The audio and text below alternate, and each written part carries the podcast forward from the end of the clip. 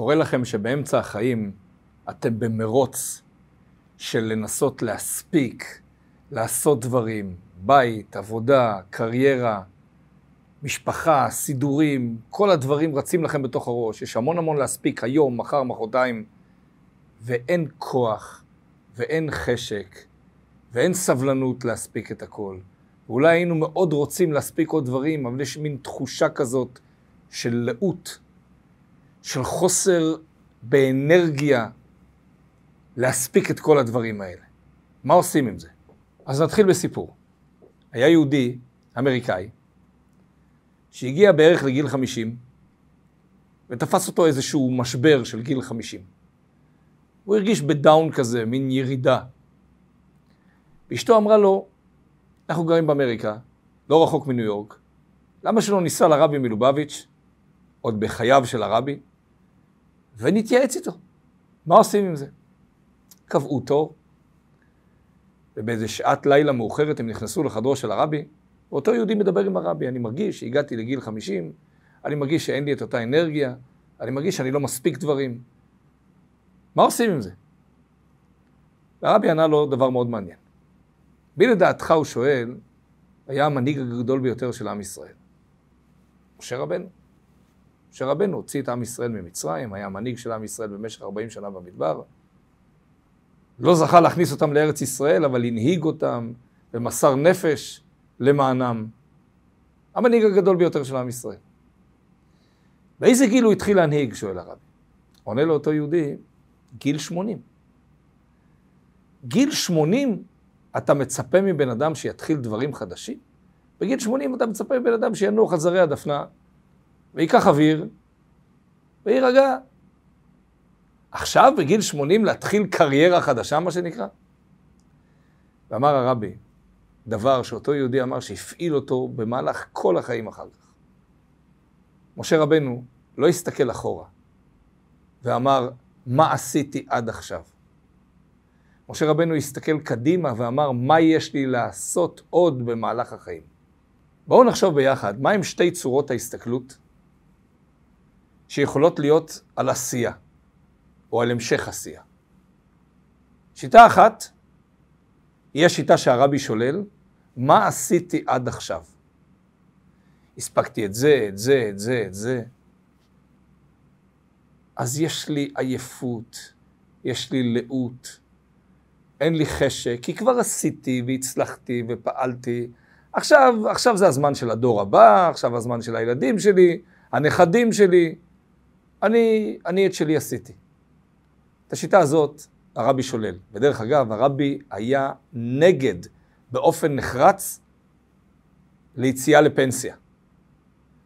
אם צריך להוריד קצת במינון העשייה, פשוט כי אין יכולת כל כך גדולה כמו מקודם, אז מורידים במינון. יציאה לפנסיה טוטאלית, בהרבה מקרים, ואנחנו רואים את זה, זורקת את האדם ממצב של עשייה יומיומית, במשך לפעמים 50 שנה, לאפס עשייה, לבטלה, לצפייה ממושכת בטלוויזיה, לחיפוש את עצמו, ללהסתובב סביב עצמו, לפעמים זה יוצר בעיות בשלום בית עם האישה, זה יוצר בעיות של דיכאון. מה זה שהחברה המערבית החליטה שאתה יוצא לפנסיה? זהו, לא צריך אותך יותר. אז אולי אתה לא יכול לעשות כמו מקודם, אבל אתה צריך ליצור לעצמך פרויקטים חדשים. ולכן השיטה האמיתית היא לא להסתכל מה עשיתי וכמה אני פעלתי וכמה אני עכשיו לא נצרך, אלא הדור הבא ייקח את מקומי, אלא כמה יש לי עוד להספיק. הגיל של האדם לא נמדד לפי התעודת זהות שלו. הגיל של האדם נמדד לפי כמה הוא חושב שהוא עוד יכול להספיק במהלך החיים. יכול להיות אדם בן 30 עם חשיבה של אדם זקן, עם חשיבה של אדם לא פעלתני, לא יצירתי, לא פרודקטיבי לסביבה.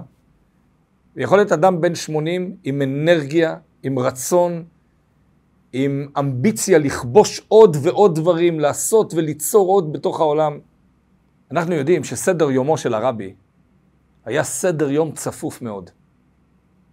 עד כדי כך שבלמעלה מ-40 שנות ההנהגה שלו, הוא לא לקח יום אחד של חופש. יום אחד של חופש. ימים על גבי ימים על גבי ימים.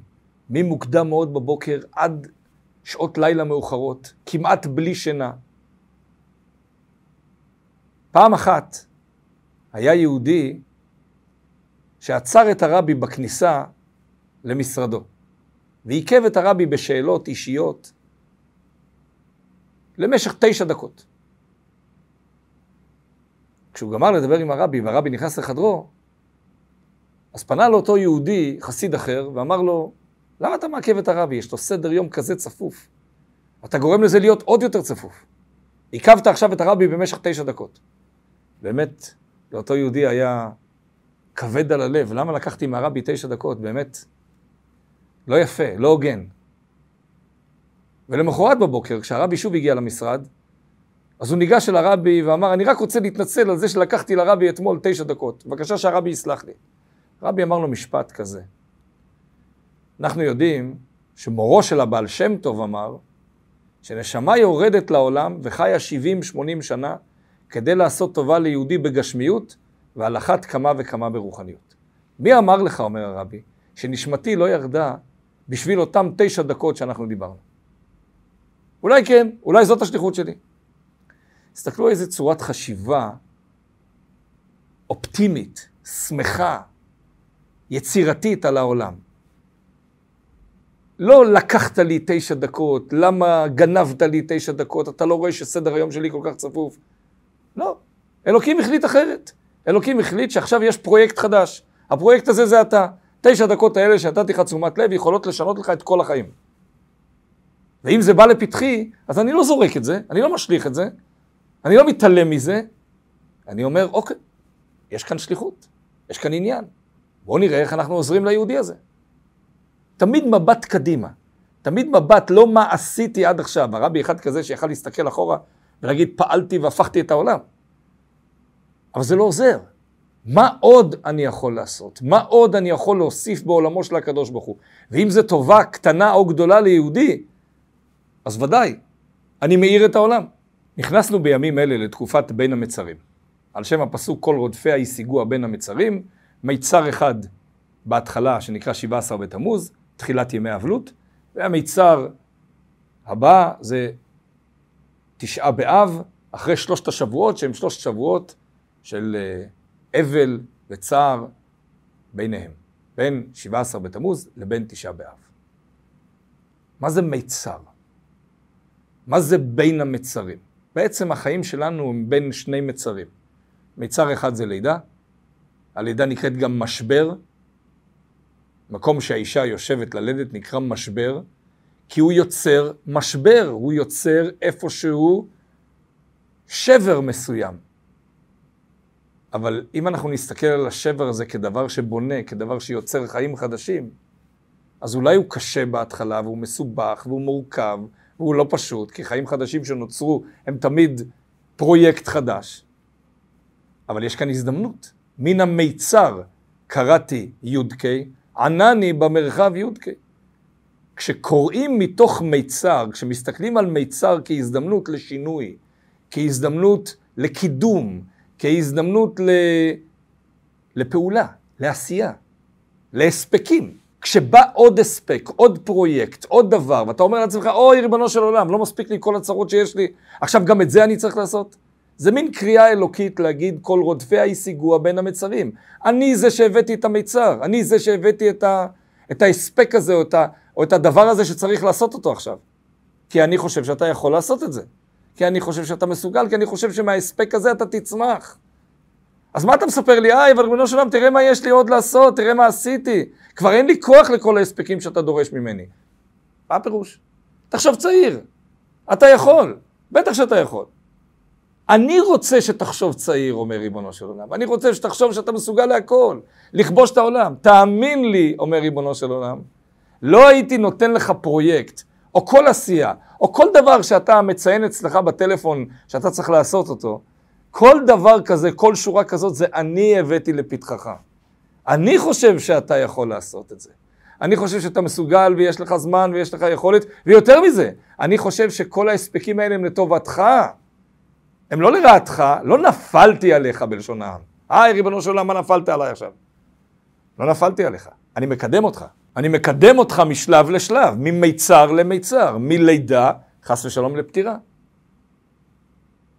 אז כל הספק כזה הוא הזדמנות להסתכל קדימה, לפרוץ קדימה, לראות ב, במכשול הזה, או בניסיון הזה, לראות בו משהו שירומם אותי, משהו שיגביה אותי, משהו ש...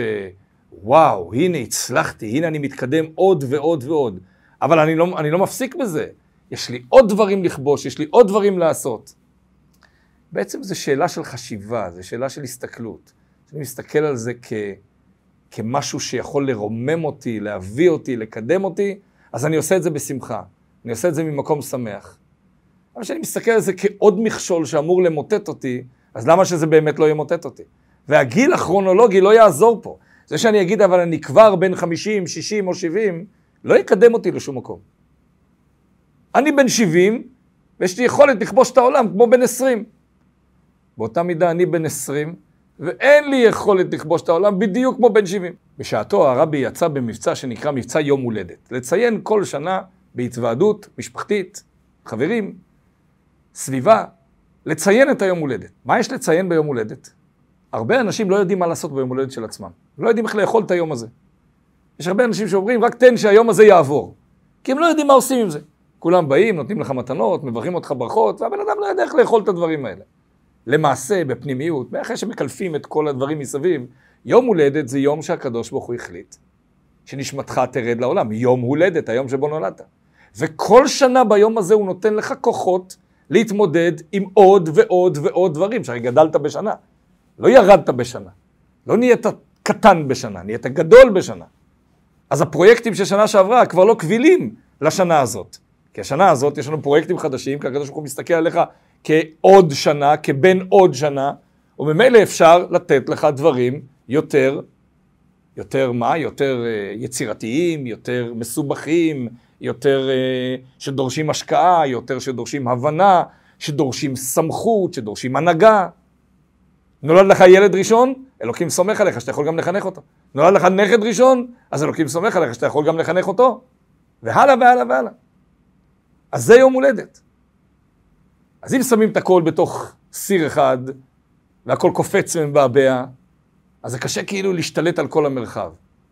אבל יש אמירה שמופיעה בשם הרבי הרייץ, הרבי הקודם, בסבלנות וקירוב הדעת אפשר לעשות הכל. בשקט ובשלווה, אדם לוקח את כל המושג חיים, את כל המושג שליחות, את כל מה שאלוקים הביא לפתחו על מנת לקדם אותו, ואומר קודם כל, ריבונו של עולם, דבר ראשון אני יודע שכל מה שהבאת לפתחי, אני מסוגל לעשות, והראיה שהבאת את זה לפתחי. עכשיו תן לי את היכולת ואת היישוב הדעת הנכון כדי לדעת לפרק את זה לגורמים, ובדיוק איך לעשות את זה. במקום שהכל מצטרף לסיר אחד והכל נראה בלגן גדול, אני יודע להפריד. זה היום, זה מחר, זה יש לו חשיבות מרבית, הוא צריך להיות ראשוני, לזה אני משתמש באחד, שתיים ושלוש אנשים שיכולים לעזור לי לקדם את זה, זה יש לו חשיבות משנית, אנחנו נדחה את זה למחר, אבל לא סתם נדחה את זה, מחר בשעה 10:00 אני פועל בעניין הזה, וכך הלאה והלאה והלאה, אני פורט את הדברים לפרוטות ועושה אותם. אז במקום שכל ההספקים האלה נראים לי כדבר שאני לא יכול לבצע אותו, הם עצמם נותנים לי אנרגיה, כי בכותרת של כל ההספקים יש מילה אחת, אלוקים. אלוקים שם את זה לפתחך כי הוא חושב שאתה, ורק אתה, מסוגל לעשות את השליחות הזאת. ארגון הגג של חב"ד בישראל נקרא צעירי חב"ד. את השם הזה נתן הרבי. למה צעירי חב"ד? בהרבה מקרים בראש הארגון עמדו אנשים זקנים. זקנים כרונולוגית, בני 70, 80. צעירי זה תפיסה בראש. ברגע שאתה קורא לארגון שלך זקני חב"ד, התפיסה היא שזה דבר ששוקט על השמרים ולא מתקדם לשום מקום. צעירי, אנרגיה. צעירי, המשמעות אנחנו הולכים קדימה, אנחנו כובשים את העולם. אנחנו צריכים לחשוב על עצמנו כצעירים, כבעלי יכולת פנטסטית, ככאלה שיכולים לקדם כל דבר אבל כל דבר שהגיע לפתחנו. כי, כי אלוקים נותן כוח. כי אלוקים הוא זה שנמצא כל הזמן איתנו, ברגעי לחץ וברגעי אה, רגיעה, באותה מידה, שומר, משגיח, נותן חיות, נותן יכולת. כשאמרנו מודה אני בבוקר, מודה אני לפניך מלך חי וקיים, על מה הודינו? על זה שהוא החזיר לנו את הנשמה, החזיר אותה רגועה אחרי לילה של שינה, נתן לנו כוחות, כוחות גשמיים, כוחות רוחניים, הכל כדי שנוכל להספיק. לא רק כדי שנעשה וי על כל ההספקים, אלא כדי שנוכל באמת לממש את התכלית שלשמה נשמתנו ירדה לעולם הזה. חלק מהפרויקטים הם פרויקטים אישיים שאנחנו צריכים לעשות, כמו מעגל האחריות הרגיל שלנו, קניות, סידורים, עבודה וכולי. וחלק, וזה צריך להיות חלק נרחב, זה חשיבה על הסביבה. לא רק מה אני צורך למען עצמי, אלא איך אני מתרגם את היכולות שלי הלאה למען הסביבה. כמו שהזכרנו, נשמה יורדת לעולם וחיה 70-80 שנה, כדי לעשות טובה ליהודי בגשמיות, ועל אחת כמה וכמה ברוחניות. לחשוב על הסביבה מסביב, וגם את זה לצרף לתוך מאגר ההספקים. ואדרבה, כשאנחנו נציב בראש סדר עדיפויות את העזרה לזולת, אז זה בעצם אמירה כלפי הקדוש ברוך הוא, ריבונו של עולם, אנחנו עושים למען הילדים שלך, אנחנו רוצים לעשות טוב בתוך העולם, ליצור אור וחסד בתוך העולם. תן לנו עוד ועוד שנים כדי שנוכל לממש את היכולת הזאת. אז נבקש מכם קודם כל לשתף את השיעור, לעשות מנוי, והעיקר, להסתכל מסביב, לראות איפה אנחנו עוד יכולים להועיל, עוד אנחנו יכולים לעשות עוד הספקים בעוד עמו של הקדוש ברוך הוא, לא להיות בדאון מרמת ההספקים שאנחנו נדרשים לעשות, או מרמת המטלות שבאה לפתחנו, אלא אדרבה, לחייך, לשמוח, להתעודד, ולדעת שיש לנו את הכוח לכבוש את כל העולם, לעשות טוב וחסד בעולמו של הקדוש ברוך הוא, שיהיה לכולנו בהצלחה רבה.